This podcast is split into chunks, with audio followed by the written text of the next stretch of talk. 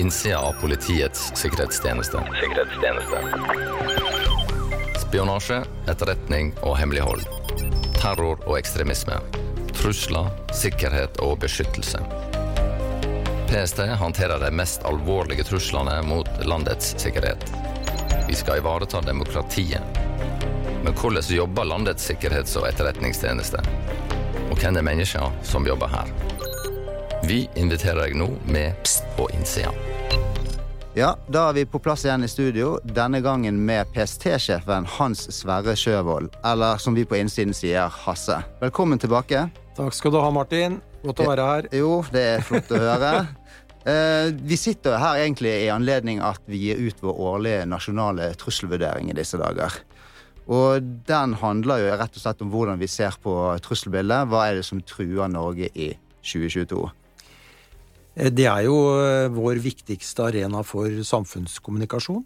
Vi eh, har en kvalifisert oppfatning av hvordan 2022 kommer til å bli, med utgangspunkt i, i vårt mandat. Og det er vår arena for å kommunisere til de som måtte være utsatt for trusler, slik at de har en mulighet til å informere seg, og eventuelt kunne forebygge det som måtte komme. For PST kan ikke være overalt, vi er helt avhengig av at de aktørene som måtte være trusselutsatt, evner da å forebygge det som måtte komme. For den interne arenaen vår, internt i PST, så vil jo de prioriteringene vi meddeler utad, vil være også veldig retningsgivende for hva vi prioriterer innad. Så det er en, det er en sammenheng her, men, men fremleggelsen av den årlige trusselvurderingen er viktig for PST, når det gjelder å informere myndighetspersoner, enkeltindivider, institusjoner om hva som måtte komme. Og den legges jo frem sammen med etterretningstjenesten sin, som kalles Fokus, og Nasjonal sikkerhetsmyndighet. Så dette blir jo da sett i en helhet, for her henger jo selvfølgelig trusler henger jo også litt sammen. Ja, så har vi litt ulike ansvarsområder, og derfor er, det, er det jo lagt opp til at det blir tre forskjellige presentasjoner. Nettopp. Før vi skal snakke mer om 2022 eh, og hva vi tror kommer til å skje der, og hva slags utfordringer samfunnet står overfor, og hva PST står overfor, så tenker jeg at vi skal spole litt tilbake og se på fjoråret. For omtrent nøyaktig et år siden så var det en sak som begynte å figurere i media, og som vi også jobbet veldig mye med, og det var den såkalte Bergen Engines-saken. Hva var det for noe? Ja, det preget jo nyhetsbildet eh, lenge, og det preget også vår interne agenda. Vi brukte mye ressurser på å bidra til å opplyse den saken, og det tror jeg vi bidro til. Bergen Engines-saken er jo i og for seg et godt eksempel på, på det jeg eh, ofte bruker for å beskrive den komplekse virkeligheten vi står i i samfunnet, nemlig huset. Altså, et hus består av eh, inngangsdører og bakdører. Og ofte så har vel kanskje etterretnings- og sikkerhetstjenester en tendens til å bruke veldig mye tid på bakdørene, altså det som er det ulovlige, de ulovlige forsøkene fra for eksempel fremmede makter på å skaffe seg eh, informasjon om viktige områder i det norske samfunnsliv. Det vil være gjerne straffbare forhold. Mens eh, det åpne, demokratiske samfunn, det går ut og inn av hoveddøra på huset. Og jeg synes Bergen Engines-saken på en veldig god måte illustrerer det dilemmaet som et åpent demokrati står i. Vi ønsker fri handel, vi ønsker fri ferdsel, det er lett å reise ut og inn av Norge, vi har åpne universiteter, vi slipper eh, fremmede eller utenlandske gjesteprofessorer inn, vi har store internasjonale samarbeidsprosjekter innenfor akademia. I det hele tatt, vi er, en, vi er en, eh, et samfunn som, som dyrker det åpne og det frie, og det skal vi verne om. Men det vi ser, det er jo at de som eh, ikke lever etter de prinsippene, de går inn og blir en aktør i det åpne og frie samfunn, og sørger for da, eller prøver å skaffe seg kunnskap om sårbare områder i Norge på den måten, eller som i Bergen Engine-saken, forsøker å skaffe seg teknologi som kan brukes i for eksempel eh, militær sammenheng. Og det, det, er, det, er, jo egentlig det er den store utfordringen i, i vårt eh, samfunn.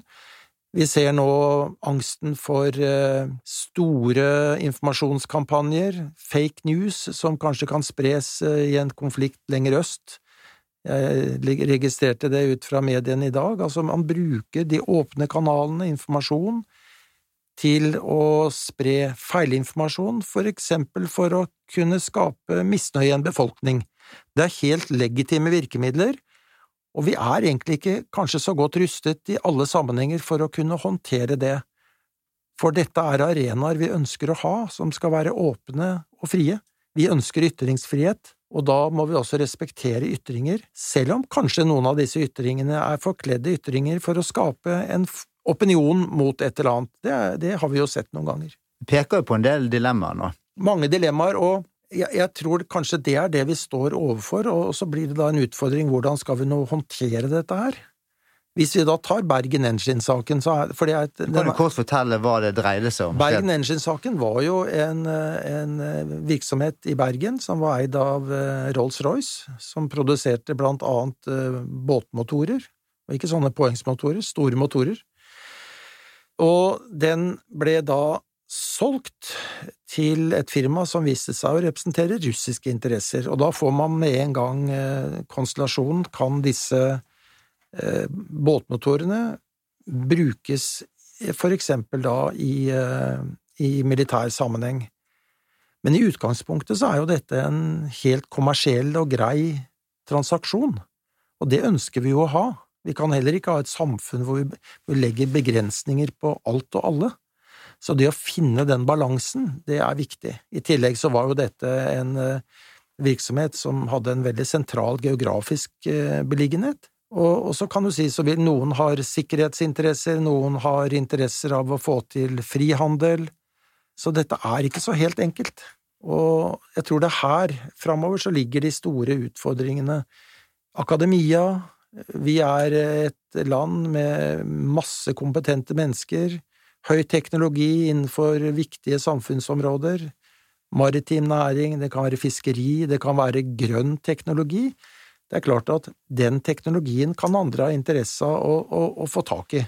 Og det er jo noen utvikler den, mens andre får den via den berømmelige inngangsdøra på en helt legitim måte. Og det, er jo det som kanskje er noe av dilemmaene framover. Er det PST som skal vokte den bakdøren?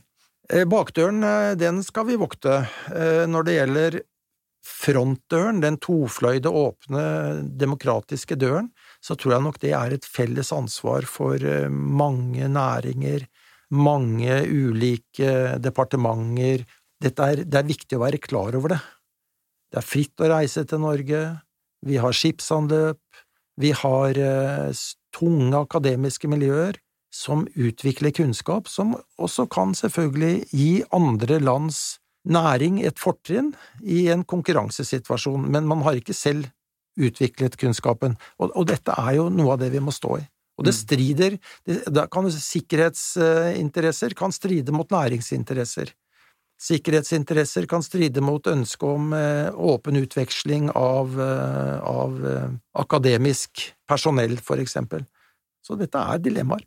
Og regjeringen fikk jo voldsom kritikk for hvordan man håndterte det. Og da er det jo selvfølgelig, som du sier, altså hva, hva, hva, hva er løsningen på dette? Du må i hvert fall være bevisst på at det kan være oppkjøp som man bør se litt nærmere på. Selv om du, som du sier, da, at vi er et åpent samfunn. Ja, det er helt klart, og det finnes jo regler for dette her. Vi har et eh, ansvar for å forvalte disse reglene, og men, men, det er nok eh, Jeg tror nok dette er et område, dette med oppkjøp, eh, som, som, vi har også et eget ansvar for å følge med på. Vi, har, vi skal forvalte dette med eksportkontroll og og MØV-problematikk, altså der hvor man faktisk kan bruke spredning av masseødeleggelsesvåpen, at, vi, at vi, må, vi, må, følge mer med på det. Det tror jeg blir et satsingsområde fremover, faktisk. Mm. Og det, det, det, det, har jo vært en diskusjon eh, i, i årevis, dette med akademisk frihet. Ja. Og det er jo noe man ønsker. Men hvis vi skal eh, se på en annen hendelse eh, som eh, skjedde i fjor, så var jo dette her eh, 22. juli-markeringen, ja. ti år siden terroren i regjeringskvartalet og eh, på Utøya. Mm. Det er jo en hendelse som eh, ikke slutter å prege det norske folk, og heller egentlig ikke slutter å prege PST og de utfordringene vi står overfor. Og det har jo skjedd mye. Det har skjedd mye. Vi har fått eh, vi er vesentlig bedre rustet til å håndtere hva skal jeg si, selve hendelsene, altså det operative. Vi har fått et flott nytt beredskapssenter, vi har fått nye helikoptre, politiet har uh, fått nye operasjonssentraler. Vi er mye bedre nå i den spisse enden. Mm. Uh, vår utfordring, det er jo å jobbe i motsatt ende, nemlig å forsøke å forebygge det som skjer. Der har vi jo en, en del utfordringer, og altså hvis vi tar utgangspunkt i det som skjedde 22. juli, eh, så hadde vi jo eh, hendelsen og den tragiske hendelsen i regjeringskvartalet, og, og, og grusomhetene der, og også på Utøya. Så det er en Dette er jo en, en sak som ikke vil slippe på generasjoner. Unge mennesker eh, ble fratatt muligheten til å leve et godt liv, og det var forferdelig, det som skjedde. Samtidig så er det skremmende å se at tankegodset, ideologien, lever videre. Eh, det er skremmende å se de ulike foraene hvor høyreekstreme grupper hyller hverandre, hvor man opererer med kill score, Altså, de terroristene som har tatt livet av flest i sine handlinger, de får en høy rating. Der eh, ligger jo Behring Breivik eh, høyt. Og vi opplever jo også at eh, unge mennesker som eh, nesten ikke husker 22. Eh, juli, lar seg fascinere av denne ideologien, særlig da på, nett. Jeg synes det er skremmende å se hvordan utviklingen er, og her har vi som tjeneste en svært viktig oppgave. Og vi opplever jo, eh, og det er ekstra skremmende, hvor unge mange av disse aktørene på nettet er. Vi ser 14–15-åringer eh, som er interessert i hva skal jeg si, det ekstreme tankegodset, men som også kan hente ned oppskrifter på, fra internett på hvordan man skal lage eksplosiver og, og, og gift, for den saks skyld. Det er, eh, det, er, det er, ganske ille. Hvis vi ser litt tilbake til hva som skjedde under andre verdenskrig, og alle de grusomhetene som skjedde da, eh, i, i, under holocaust, så, så er det, det er mennesker som fornekter at det har skjedd. Og de driverne som lå til grunn for det, de lever enda, og det, det er skremmende. Og de, de, er jo inni hodene våre. Mm. Og de, det tankegodset og den utviklingen, det prosesseres i dag. Eh, kanskje ille å bruke uttrykk 'prosessere', men det skjer på internett. Ideologene der, altså manifestene, de, de ideologiske grunnlagene for uh, disse uhyrlige handlingene, de er jo der ute. De blir lest. Behring Breiviks manifest eksisterer enda. Og det er eh, det, det skremmer meg. Og disse ulike ekstreme strømningene som vi har, jeg syns særlig nå på høyreekstrem side, som særlig opererer på nettet, er grunn til å følge nøye med på.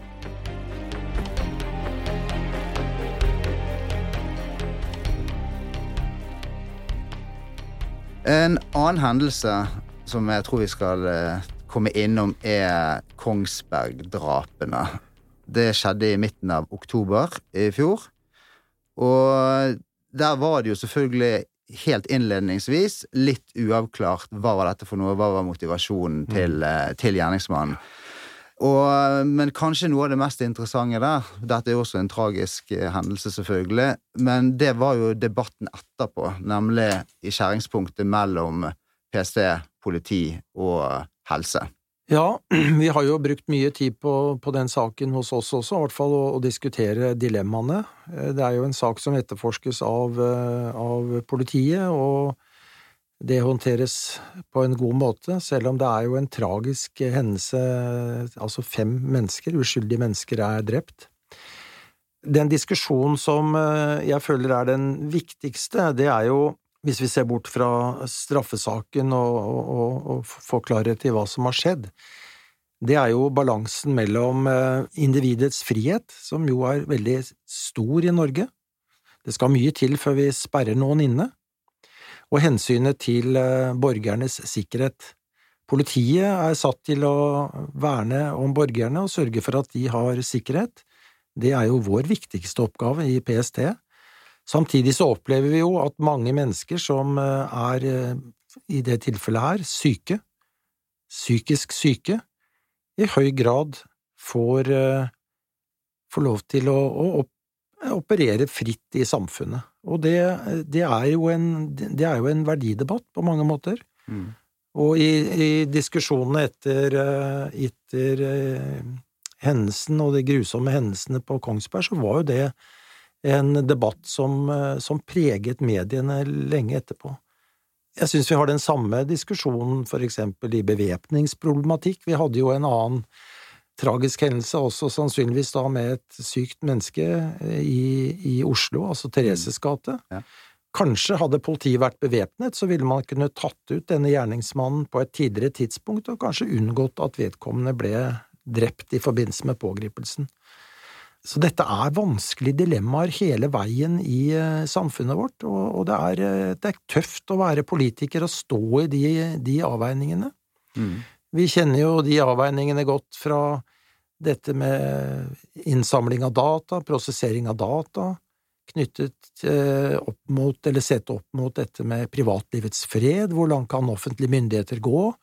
Så dette er en, er en debatt som jeg har veldig stor respekt for, fordi når, når, vi som forvalter av offentlig myndighet skal gå inn i den private sfære, så, så, så, skal det ganske gode grunner til, og vi skal ha tydelige lovhjemler og lov fra politikerne. Mm. Og det er en del av å forvalte vår viktige oppgave. Jeg noterte meg i 2021 også IS-kvinner. Det er jo også eh, Kanskje noen vil også si om, om, om det er et dilemma eller ikke, men nå har jo fremmedkrigerporteføljen til PC endret seg voldsomt de siste, de siste årene. Mm.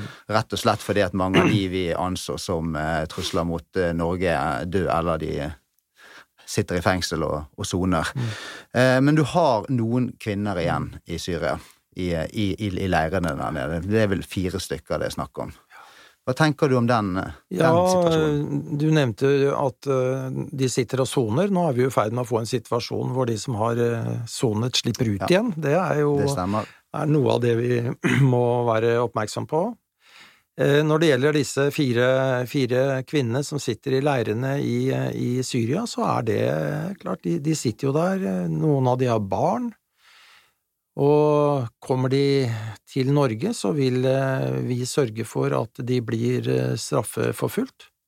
Men her er det også en del eh, ulike hensyn å ta. Hvordan skal de komme seg hjem? Vil de reise hjem? Altså, det er en del spørsmål som ikke jeg har svar på, men det eneste jeg kan si, er at har de begått straffbare forhold, så må de etterforskes, og det vil vi sørge for dersom de kommer hjem. Og så må jo det ordinære rettsapparatet sørger for at de får den reaksjonen de eh, skal ha. Jeg tror vi gjør oss ferdig med 2021 nå, og så kan vi gå litt nærmere inn på en del aspekter i det vi, i det vi skriver 2022, og mm. i, i, i trusselvurderingen. Og hvis vi skal begynne med det vi kaller statlig etterretningsvirksomhet, som eh, vi har de siste årene satt som pri 1 det er jo noe som er stabilt. Altså etterretningstrykket mot Norge er stabilt. Eh, landene som driver dette, disse aktivitetene mot Norge, det er også de landene som er gjengangere, som går igjen. Men likevel, vi har hatt en pandemi som har gjort at vi deler informasjon litt på en annen måte enn tidligere. Altså Der vi møtte fysisk, så sitter vi kanskje på hjemmekontor, og det deles mye informasjon. Så sånn sett kan man jo si at når vi i Norge deler informasjon på en annen måte, så eh, innhenter eller stjeler etterretningstjenestene informasjon på en annen måte også. Så i det perspektivet kan man jo si at det er et utviklingstrekk. Eller hva sier du? Jo, jeg tror det er helt riktig. Eh, vi, mange har vært på hjemmekontor. Eh, ikke alle er like opptatt av å, å beskytte den informasjonen som går via elektroniske medier. Ugraderte linjer. Og det er klart at det er jo noe av grunnen til at eh, en etterretningstjeneste ikke kan sitte på hjemmekontor. Vi må kunne kommunisere på en trygg måte. Men mye av kommunikasjonen i Norge gjennom eh, hjemmekontor har jo gått på åpne linjer. Det gir muligheter for fremmede aktører til å finne ut hva, hva som kommuniseres. Og da kommer nettverksoperasjoner opp som et nærliggende tema. Mm. Og det var jo noe vi har opplevd de siste årene i stadig større grad, og det har vel kanskje aldri vært så mye nettverksoperasjoner mot Norge som i fjor. Og i trusselvurderingen i år så sier vi jo at vi forventer mer. Mm. Det gjør vi, og, og, det som jo skjer, er at uh, innenfor forvaltning, uh, akademia, universiteter, så forvaltes det mye informasjon, det utvikles kunnskap som eh, fremmede stater helt klart er interessert i. Vi er jo en nasjon med eh, høy kompetanse, mye flinke folk, gode forskningsmiljøer. Eh, vi har en stor maritim sektor som, som er interessant, olje. Så det er klart, skal den kunnskapen blir tilgjengeliggjort for fremmede makter, så må den jo hentes ut på et eller annet sted. Og mm. tidligere så brukte man uh, mer, hva skal jeg si, analoge, manuelle metoder. Nå er det jo å gå inn i nettverkene for å hente ut informasjon. Og det innebærer jo også at de som har informasjonen, de som prosesserer den, de som formidler, de må også være meget oppmerksomme på, på denne risikoen. Og her har det jo vært en del uh, stygge saker. Ja, og så har man jo i tillegg det som er ren kriminalitet. Det, som jo kanskje ikke er, det er jo ikke vårt ansvar, men politiet har jo også tunge etterforskninger mot, uh, mot uh, dataangrep som uh, kompromitterer helseopplysninger, som er ren utpressing, og noen har jo også litt store økonomiske tap på grunn av det. Ja.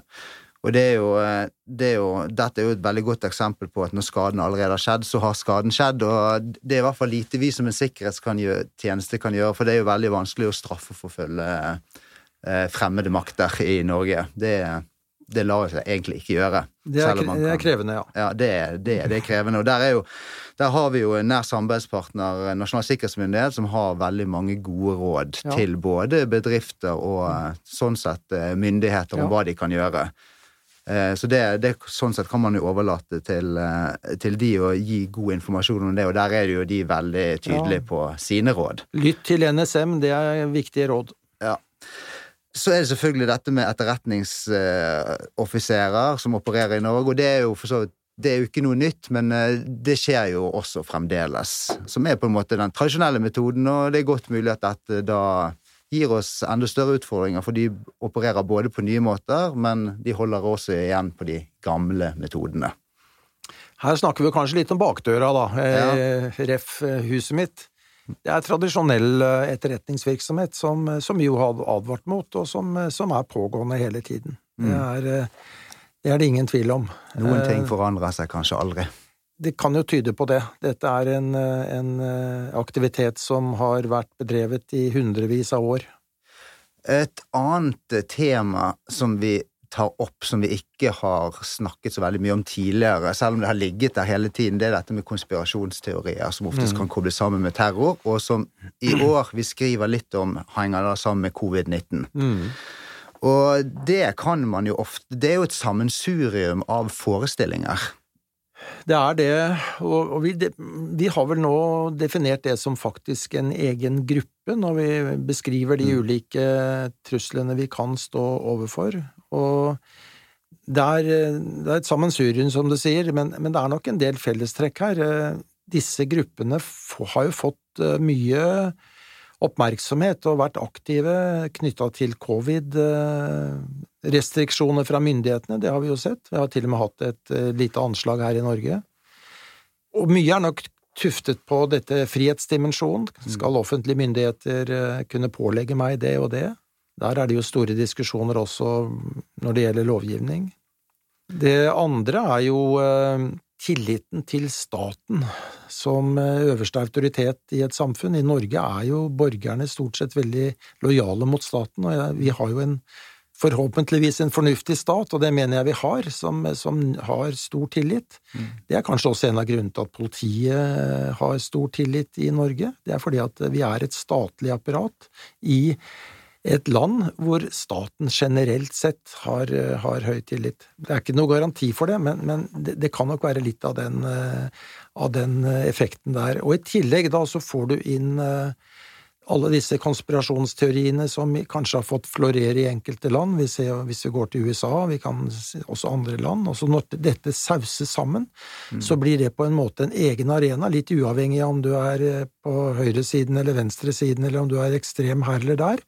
Det blir en egen, egen bevegelse, og det er jo det vi ser nå. Og der, Da kan jo da tilliten til myndighetene bli svekket, i hvert fall de miljøene, for de ser vel på myndighetene som illegitime. De kan ikke utøve makt, fordi de er egentlig styrt av en hemmelig organisasjon som ingen kjenner til, ofte av jøder. Og da, Det blir jo veldig vanskelig å, å slåss eller argumentere mot den type påstander, for da vil de jo sånn sett ikke tro på det. For du, Hasse, ikke minst, er jo et symbol på maktutøvelse i Norge og en del av staten, vil jeg tro.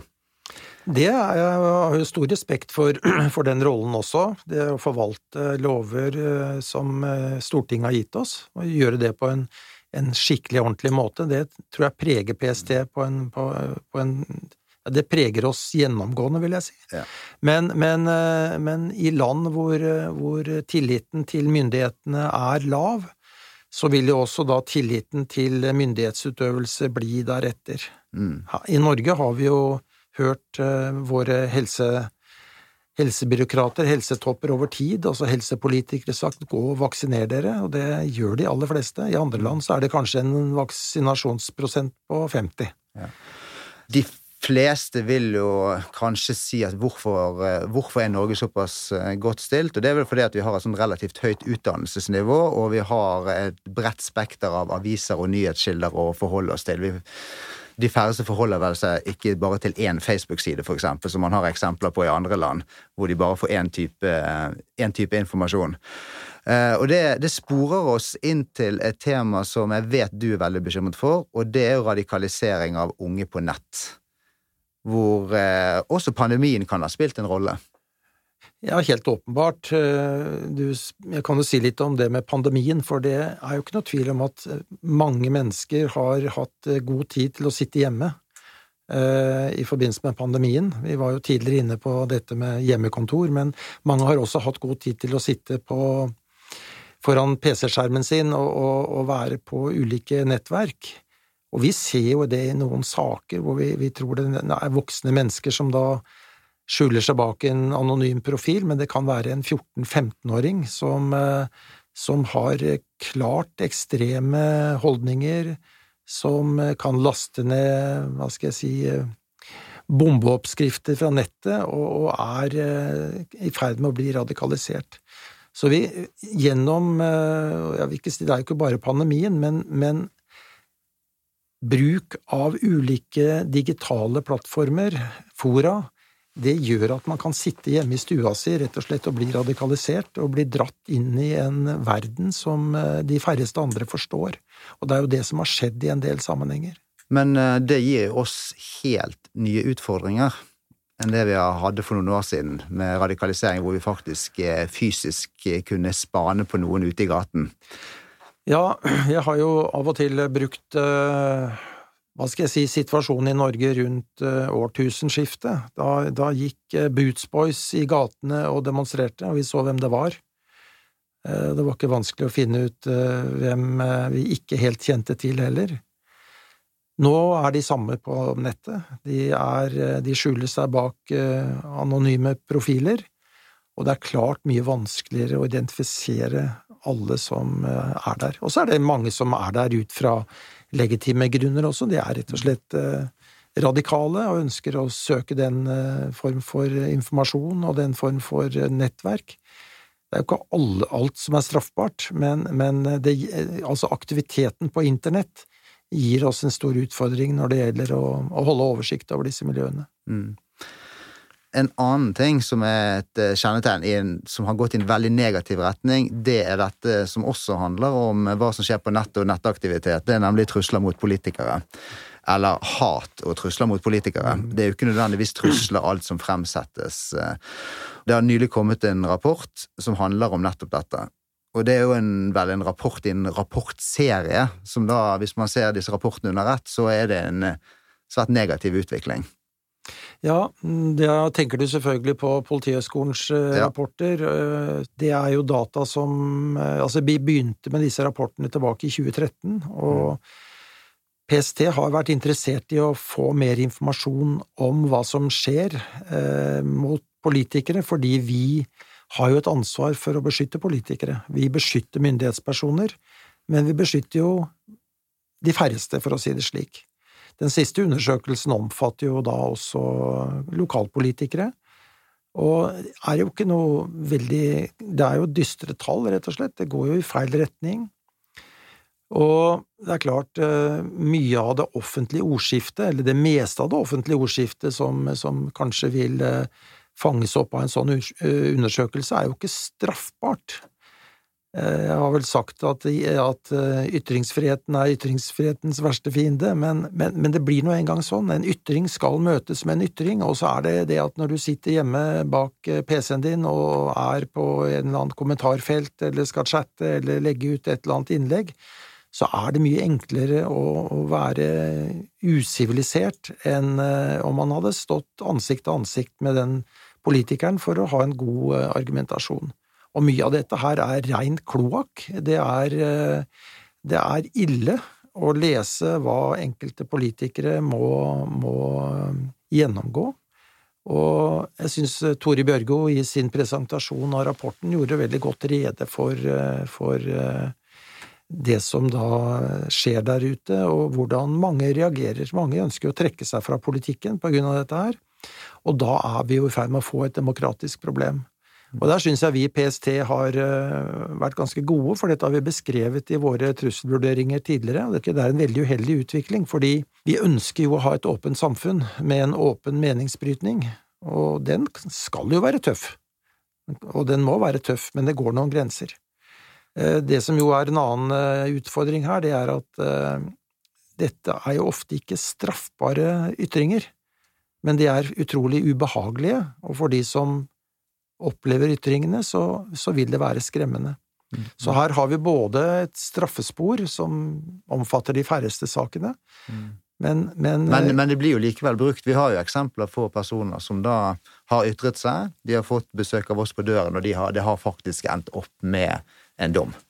Det har det, eh, og det er nok en del av de ytringene som, eh, som Bjørgons undersøkelse eh, omfatter, som er straffbare. Eh, Og så, så reagerer jo vi raskt når det er det vi mener er straffbart. Mm. Og så kan vi ikke heller bare banke på døra til noen og si at nå må du dempe deg i en, i en offentlig diskusjon, fordi da Vi skal heller ikke sensurere den offentlige debatt. Vi er ikke noe, noe meningspoliti, det er svært viktig å få fram. Men at vi som sikkerhetstjeneste evner å, å rette oppmerksomhet mot eh, denne samfunnsutfordringen, vil jeg si, det syns jeg er, er bra gjort av oss. Men det er jo klart, å komme med direkt, direkte drapstrusler, da må man vel regne med at det står noen på døren. Da må man eh, regne med å bli kontaktet. Og det vi også ser i en del av, eh, av disse sakene, der vi kanskje banker på dører, det er jo mange syke mennesker som, Mm. eh, som uttrykker seg på en svært skremmende måte. Når vi, nå, nå, når vi sitter og snakker sammen, så får vi en følelse av at alt henger sammen med alt. Altså, altså du både har det med helse, du har ytringsfrihet, du har, og så har du oss eh, som PST og Hva skal man si? Det Vi het jo overvåkningspolitiet før, Ja. og eh, ofte når vi, eh, når vi fremmer lovforslag, så er ofte overskriften i avisen 'Nå vil PST overvåke alle' Ja.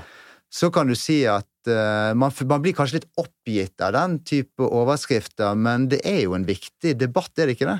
Det er en viktig debatt, og jeg registrerer jo at dette overvåkningsbegrepet, det, det kommer jo opp. Så når vi, når vi eh, har ulike saker, vi kan ta denne flypassasjersaken for eksempel, og det tror jeg vi må tåle å stå i, altså. Fordi eh, vi har fullmakter overfor enkeltborgere, vi, eh, vi kan følge med. Og, og det at vi da undergis kritikk og av og til etterforskning for det vi gjør feil, Ja, Som en Det faktaopplysning så var jo det at vi hadde da samlet inn passasjerlister uten et eh, hjemmelsgrunnlag. Ja, i hvert fall uten et tydelig hjemmelsgrunnlag, og det, det har vi jo blitt meget sterkt kritisert for, og det får vi, må vi bare akseptere, og det er nok langt på vei riktig også. Det er jo et lovforslag som har vært ute på eh, Eller det, det jobbes jo med et lovforslag. Vi har jo noen ønsker som du kan beskrive som at vi, lovene må henge sammen med den tiden vi lever i, og kanskje fra det analoge til det digitale samfunn. Hva er det det handler om? Ja, altså det handler jo om mye av det vi har snakket om hele veien nå. Altså dette med at uh, dagens utfordringer er på internett. Det er der uh, chattene er, det er der de løse gruppene er, det er der de høyreekstreme oppholder seg, og det gjør det også transnasjonalt.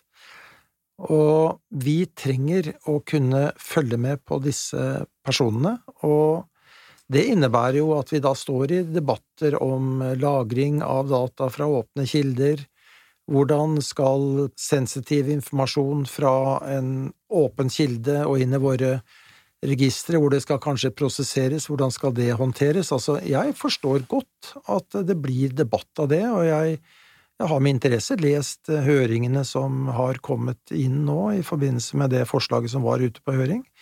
Det har jeg den største respekt for, og jeg mener de høringene er fra tunge aktører i det norske samfunnsliv som, som er opptatt av eh, individets frihet og, og, personvern, og det er klart at det må jo vi ta på alvor. Dette er en, en god demokratisk prosess, og så må vi være skjønnsomme, og så må vi kanskje også evne å fortelle hvilke behov vi faktisk har, og vi er jo ingen organisasjon som, som ønsker å overvåke alle. Det er eh, det har vi ikke kapasitet til. Vi, vi, må, vi, må, holde oss til de få av de som utgjør en trussel.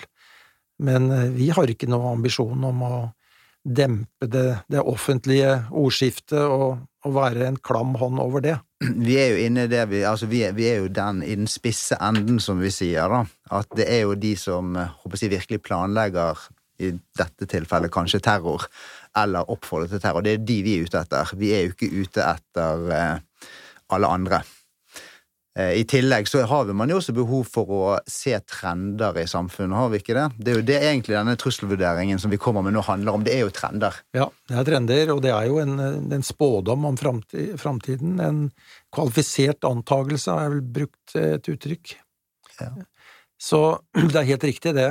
Eh, og det er klart at i et arbeid med å se på større mengder data, så vil man nok også da Eh, kunne komme i en situasjon hvor vi, vi, eh, kan registrere informasjon om personer som bare ønsker å ha en, en åpen og frisk eh, meningsytring på et eller annet chatteforum, og det, det, er jo informasjon som vi da nødvendigvis vil måtte lagre dersom vi skal ta en større mengde data, men som vi jo ikke har noe interesse av å prosessere videre, og det er jo egentlig her kanskje personvernutfordringen ligger.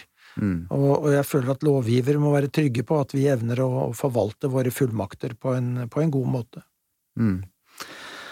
Nei, jeg tror vi har vært innom mange ting nå, og så er det jo da viktig å si at uh, selve trusselvurderingen den ligger jo på pst.no, så de, de, som er da mer interessert, kan gå inn og lese enda mer konkret om de, om de enkelte temaene. Mm. Så jeg vil egentlig bare takke for at du kom og delte tankene her i studio i dag. Takk for muligheten. Takk skal så du ha.